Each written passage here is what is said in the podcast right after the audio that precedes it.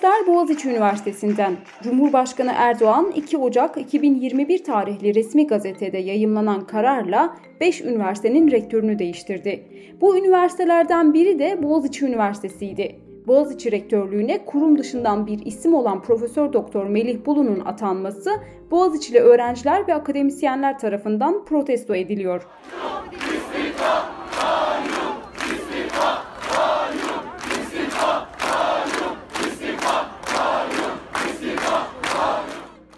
Kararın resmileştiği tarihten bu yana Boğaziçi Üniversitesi'nde oldukça hareketli günler yaşanıyor. Ben Kısa Dalga'dan Yeşim Özdemir. Timecode programının bu bölümünde Boğaziçi Üniversitesi'nde devam eden protestoların detaylarını ve demokratik üniversite mücadelesini ele alacağız. Haber podcastle buluştu. Kısa Dalga yayında.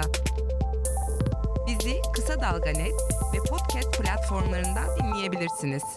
2 Ocak'ta sadece Boğaziçi Üniversitesi'ne değil Beykoz Üniversitesi, Pamukkale Üniversitesi, Antalya Bilim Üniversitesi ve Çağ Üniversitesi'ne de rektör atandı. Bu atamaların çoğu da Melih Bulu gibi kurum dışından atamalar. Şimdi Boğaziçi Üniversitesi'nde yaşanan gelişmelere biraz daha geriden bakalım. Boğaziçi'nin önceki rektörü Profesör Doktor Mehmet Özkan'dı. Mehmet Özkan 2016 yılında yine Cumhurbaşkanı Erdoğan tarafından atanmıştı. Özkan oylamada rekor bir farkla oy çokluğunu alan Profesör Doktor Gülay Barbarosoğlu yerine atanmıştı. Gülay Barbarosoğlu Boğaziçi'nin 18. rektörüydü ve girdiği ikinci seçimde de oyların %86'sını almıştı. Fakat buna rağmen rektörlük seçimlerine bile girmemiş olan Profesör Doktor Mehmet Özkan atanmıştı. Akademik özelliğin hiçe sayıldığı bu karar akademi dünyasında büyük tepkilere neden olmuştu. Tepkilerin odağında Özkan'ın AKP'li vekil Emine Nur Günay'ın kardeşi olması nedeniyle kararın siyasi nitelik taşıdığı tartışmaları vardı.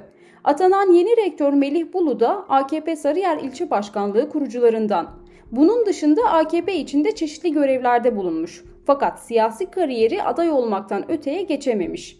Bolu 2009 yılında yapılan yerel seçimlerde Ataşehir Belediye Başkanlığı için, 2015 yılı genel seçimlerinde ise İstanbul 1. Bölge Milletvekilliği için aday olmuştu ve şimdi Boğaziçi Üniversitesi'ne rektör olarak atandı.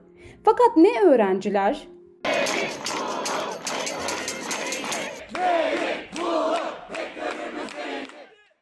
ne de akademisyenler bu atamayı kabul etmiyor. Burası her şeyin ötesinde demokratik, çoğulcu ve özerk bir yerdir.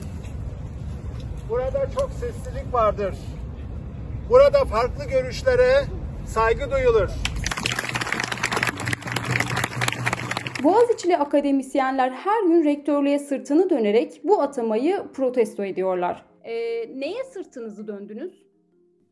Atanan e, rektörü e, tanımadığımızı e, bu şekilde bir atanmaya karşı olduğumuzu, bunu kabul etmediğimizi e, göstermek için sembolik bir e, jest sırtını dönmek biliyorsunuz. Sembolik bir protesto biçimi olarak anlaşılması lazım.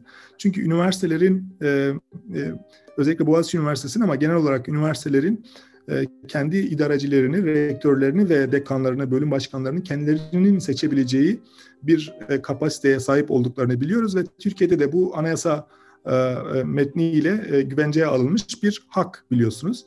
Aslına bakarsanız Türkiye'de üniversiteler hiçbir zaman tam olarak bizim benim şahsen anladığım şekilde özellikle demokratik yapılar hiçbir zaman tam olarak olmadılar ama belirli dönemlerde bu hakkı yaşandığı, bunun deneyimlendiği dönemler de oldu.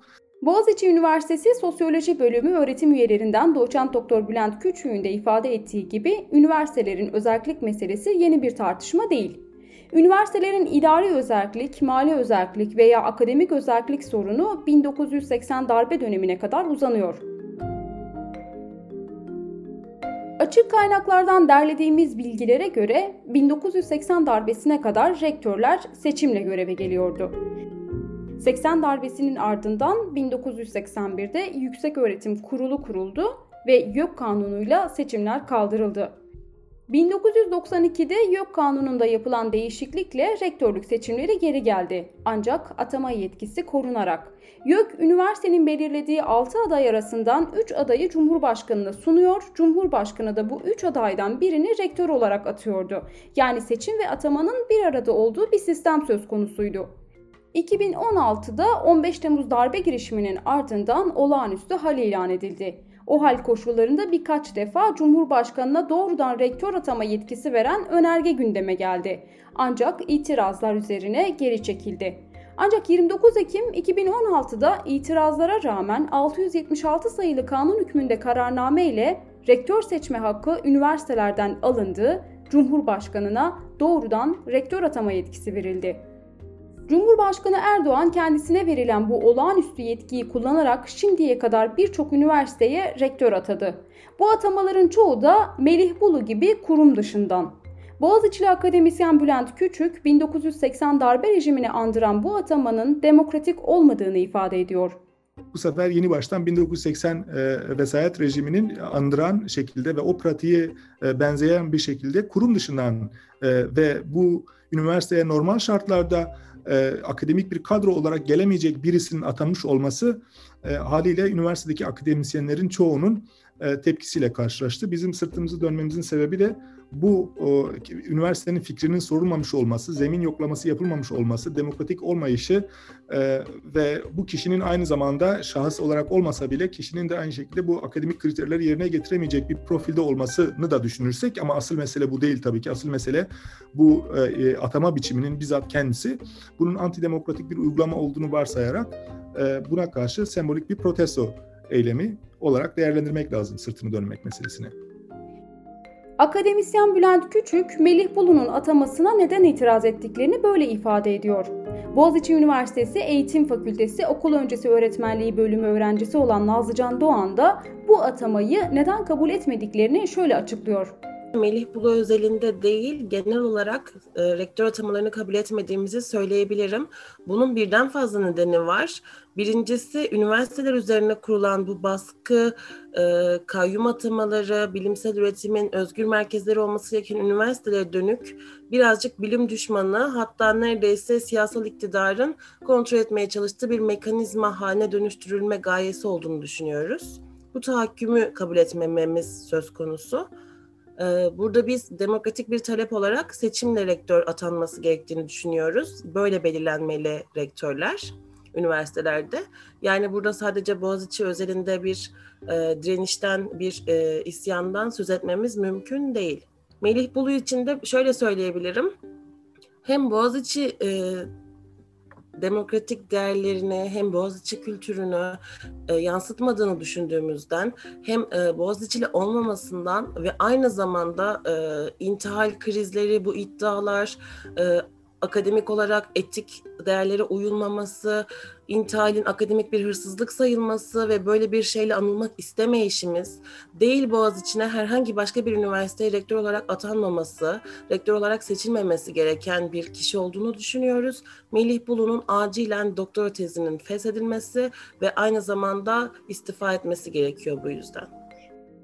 Boğaziçi öğrencisi Nazlıcan Doğan, Melih Bulu'nun atanma kararının protesto edilmesinin sadece Bulu'ya özel olmadığını, genel itibariyle üniversitelerin siyasi iktidarın kontrol etmeye çalıştığı bir mekanizma haline dönüştürülmesini protesto ettiklerini belirtiyor. Çoğunlukla şarkılar ve danslar eşliğinde devam eden protestolarda Bak bir varmış bir yokmuş o halde yine Yeni rektör atanmış boğaz içine. İşte bir gece vakti. Kabus böyle başlamış. Polisin öğrencilere uyguladığı orantısız şiddetle zaman zaman tansiyonlar yükseliyor.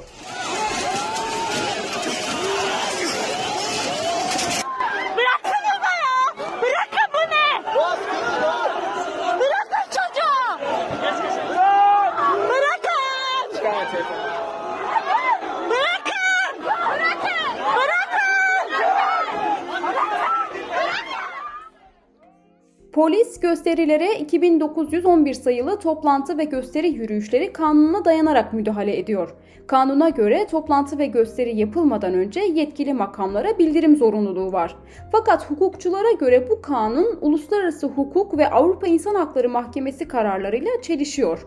Ahim eski yargıcı Rıza Türkmen Doçevelle'ye verdiği röportajda polisin gösteriye müdahalesinin bir hak ihlali olduğunu söylüyor.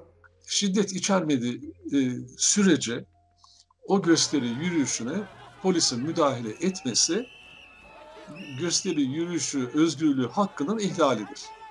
Yani daha önce izne tabi ise izin alınmamış olsa bile ya da bildirim mecburiyeti varsa bildirim yapılmamış olsa bile barışçı bir gösteriye polis müdahale edemez. Yani anayasaya aykırı bir hareket var burada. Anayasaya ihlali var. Sadece Avrupa İnsan Hakları Mahkemesi kararlarının değil. Türkiye Anayasası'nın da hem gösteri yürüyüşünü düzenleyen maddesi hem de 90. maddesinin ihlali var. Ve, ve bu böyle süre geliyor. Yani yani söylemek istenen şey şu mudur? Verilmek istenen mesaj bu mudur? Türkiye'de hükümeti desteklemeyen hiçbir gösteri, yürüyüş yapamazsınız. Bu mudur yani söylenmek isteyen? Hayata kulak ver. Kulağını sokağa aç. Haberi duy. Haber podcastle buluştu. Kısa Dalga Podcast. Polisin gösterilere sert müdahalesi ve öğrencilere orantısız şiddet uygulamasının yanı sıra protesto eylemlerine katılan 36 kişi evlerine baskın düzenlenerek gözaltına alındı. Ev baskınları sabaha karşı zırhlı araçlarla ve uzun namlulu silah kullanan özel harekat timleri tarafından yapıldı. Hem de kapılar, duvarlar kırılarak. Gözaltına alınan öğrencilerden biri de Tuana Öztuncel. Tuana gözaltı sürecini şöyle anlatıyor. Ben e, çarşamba sabahı saat 6 gibi ev baskını ile gözaltına alındım. Pek çok arkadaşımız gibi. Aslında yaklaşık yanlış hatırlamıyorsam 24 kişilik bir listeyle başladı bu ev baskınları ve gözaltılar. Salı günü başlamış oldu.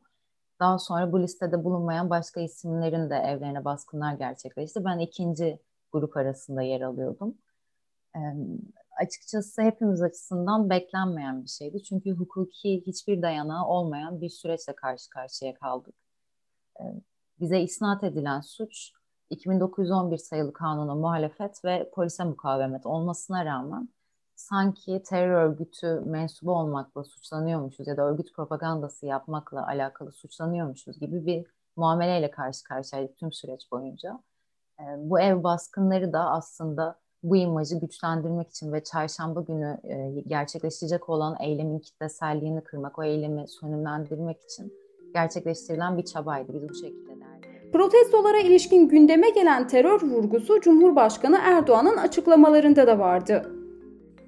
Terör örgütü iltisaklı kişilerin en ön safta yer aldığı bu tür eylemlerin demokrasiyle, hak arayışıyla, fikir ve ifade özgürlüğüyle uzaktan yakından ilgisi yoktur.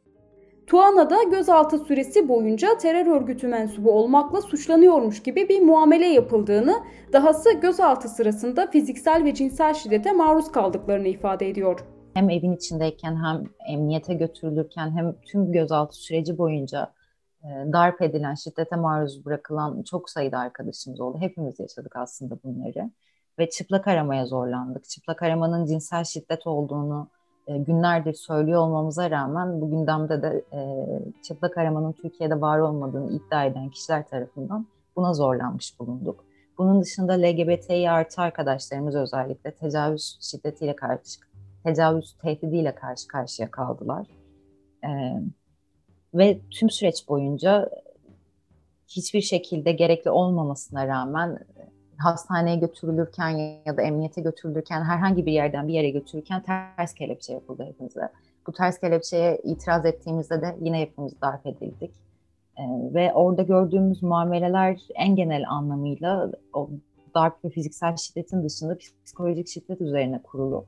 Ve nasıl bu gözaltıların amacı bir gözdağı vermekse, insanları korkutmak ve o direnişi kırmaksa, gözaltında bizim gördüğümüz bütün muamelelerin amacı da bizim direnişimizi ve bizim irademizi kırmaktı.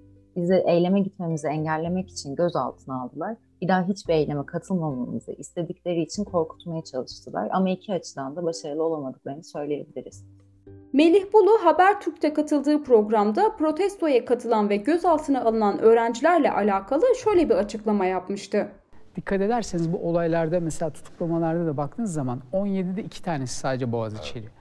Yani diğerlerinin Boğaziçi öğrencisinin içerisine girmesine Boğaziçi öğrencisi nasıl izin verdi? Ben kim, onu anlamıştım. Kim onlar biliyor musun? Boğaziçi öğrencisi her türlü protestoyu yapabilir. E, istediği yerde yapabilir ama Boğaziçi öğrencisi olmayanları asla zaten normal zamanlarda kampüse almayalım. Çünkü aldığımız zaman Boğaziçi e, çok hassas bir üniversite. Bu yönde açıklamalar iktidar kanadından da gelmişti. Okan Üniversitesi Hukuk Fakültesi son sınıf öğrencisi olan Tuana Öztuncel, bunun bir demokrasi sorunu olduğunu, dolayısıyla başka bir üniversiteden olsa bile bu protestolara destek vermesi gerektiğini ifade ediyor. Maalesef Boğaziçi'nde yaşananlar ülkedeki tüm üniversitelerin ortak sorunu, bir demokrasi sorunundan bahsediyoruz. Bunun için üniversite öğrencisi olmaya bile gerek yok aslında. Ne güzel, keşke herkes e, protesto ediyor, herkes bu eyleme destek veriyor olsa. Ama bizim Boğaziçi Üniversitesi öğrencisi olmayışımız gündeme getirilmeye çalışıldı bir şekilde. O da yine o eylemin meşruiyetini azaltmak ve belki bizim marjinalize etmek için e, izlenen bir yöntem. Ben bu şekilde değerlendiriyorum. Dediğim gibi bu hepimizin ortak sorunu olduğu için, bir demokrasi meselesi olduğu için ve üniversitelerin mevcut durumunda üniversite öğrencileri karar alma süreçlerinin tamamından dışlanmış olduğu için bunların tamamının iz düşümü olan bir kayyumla karşı karşıyaydık Ve bu yüzden de doğal olarak bütün üniversite öğrencileri olarak oradaydık. Bütün üniversite öğrencileri olarak bir dayanışma içerisindeydik. Birbirimize destek oluyorduk ve birbirimizin sesini yükseltmeye çalışıyorduk. Cumhurbaşkanı Erdoğan'ın Boğaziçi Üniversitesi protestolarına ilişkin şöyle bir açıklaması oldu. Dünyada ve Türkiye'de her şey değişti. Herkes değişti. Bir tek bu köhne zihniyet yerinde sayıyor. Kendileri ileriye gidemediği için ülkeyi geriye döndürmenin hesabı ve gayreti içindeler. Karşımızda bırakın ülkeye ve millete hizmete talip olma konusunda kendilerini geliştirmeyi, eylem biçimlerinde bile yeniliğe gidemeyecek kadar tembel, dar kafalı, idrak yoksunu bir zihniyet var.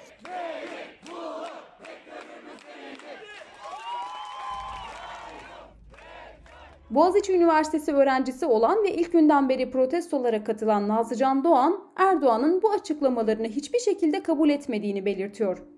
Ee, biz e, hiçbir şekilde bize bizden bahsedildiği, bize atıfta bulunulduğu gibi herhangi bir şekilde kendimizin terörist olarak adlandırılmasından derin üzüntü duyuyoruz. Bunu asla kabul etmiyoruz. Bu bir öğrenci dayanışmasıdır ve sadece Boğaziçi'nde değil, Türkiye'nin her yerinde öğrenciler buna destek alıyor. Yani kamuoyunda bunun bir meşruiyeti var artık. Bu demokratik bir hak, hak talebi. Ee, böyle anlaşılmasını çok istiyoruz. Ee, Tayyip Erdoğan yakın zamanda bir açıklamada bulunmuştu. Bizim geri kafalı, e, dar zihniyetli ve sürekli gerici, yenilenmeyen eylem planları yaptığımızı söylemişti. Ee, Cuma günkü yaptığımız eylem bence yeterince e, ilerici ve e, buna karşılık verilebilecek bir cevap olduğunu düşünüyorum.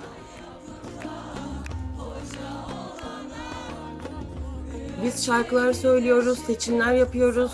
Ee, alanlarda portakal keserek portak portakal idam etmiyoruz. Kefenimizle meydanlara çıkmıyoruz. Öğrenci olduğumuzun bilinciyle ne savunduğumuzu unutmadan ne istediğimizi her defasında dile getirerek bunu yapıyoruz.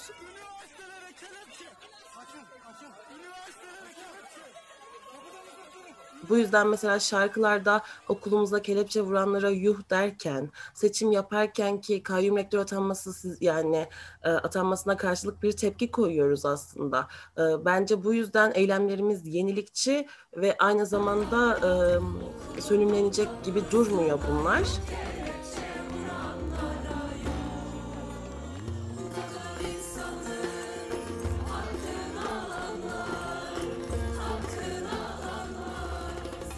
Biz sesimizi duyurmaya çalışıyoruz ve bunu çığlık çığlığa yapıyoruz. Ee, biz çokuz, çok olduğumuzda biliyoruz. Türkiye'nin her yerinde bize destek veren, hatta yurt dışından mezunlarımız, yurt dışına okumaya giden arkadaşlarımızın bize destek veren bir sürü mesajıyla, hatta basın açıklamalarıyla internette karşılaşıyoruz. Bu yüzden de susmayacağız. Taleplerimizin sonuna kadar karşılandığını görene kadar da eylemlilik sürecimiz devam edecek.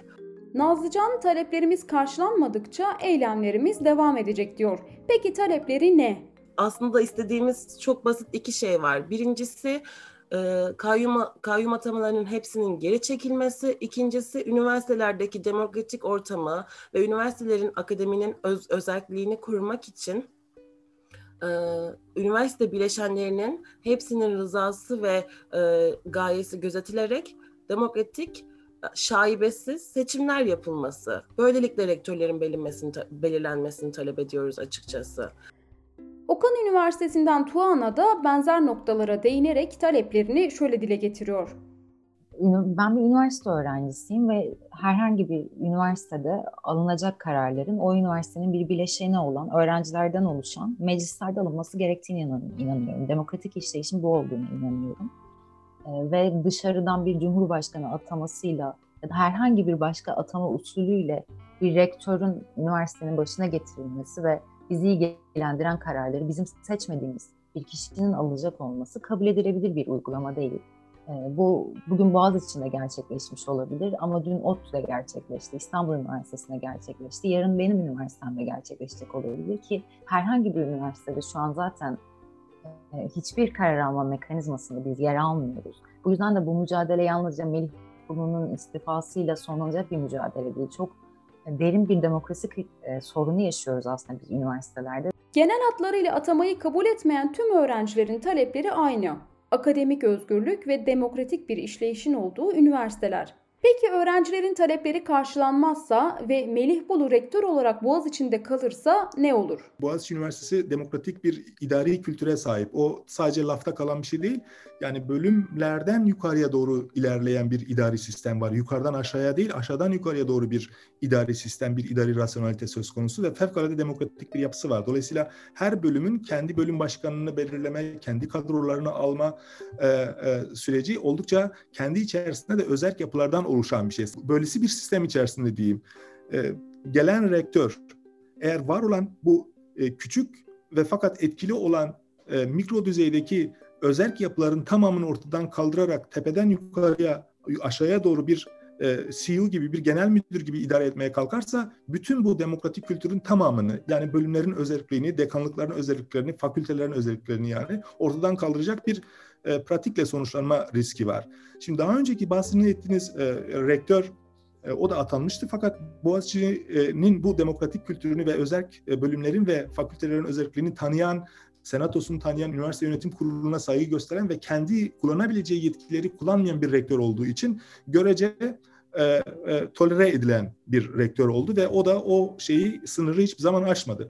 Fakat şimdi dışarıdan atan at, e, rektörün bu var olan idari kültürünü, demokratik kültürünü bypass edecek deyim yerindeyse bütün bölümleri ve fakülteleri devre dışı bırakarak o seçilmiş kurullarını kale almayacak, tek başına karar verebileceği, hani hangi bölüme kaç tane akademisyen alınacak, hangi araştırmalar yapılabilecek, hangi araştırmalar e, makbul araştırma olarak görülmeyecek, derslerde neler anlatılacak, hangi derslerde nelerin anlatıldığı, ne durumlarda, ne tür disiplin e, mekanizmalarıyla akademisyenler karşı karşıya kalacak. Dolayısıyla bütün bu meseleler e, temel bir e, sorun hale gele, sorun haline gelebilir bu, bu yeni dönemde. Buna dair de bir güvence yok çünkü Türkiye'deki rektörlük sistemi rektörlerin sınırsız yetkileriyle donandığı bir e, sistem söz konusu. Boğaziçi'li sosyolog Bülent Küçük, idari özellikleri hiçe sayılarak üniversitelere yapılan bu atamaların doğuracağı sonuçları böyle özetliyor. Cumhurbaşkanı Erdoğan'ın 2020 yılında yaptığı rektör atamalarının ve 2021'in ilk 5 atamasının ayrıntılı listesini ayrıca bu atamaların hangilerinin kurum dışından olduğunu haberin yazılı formatında bulabilirsiniz. Bizi Kısa Dalga ve podcast platformlarından dinleyebilirsiniz.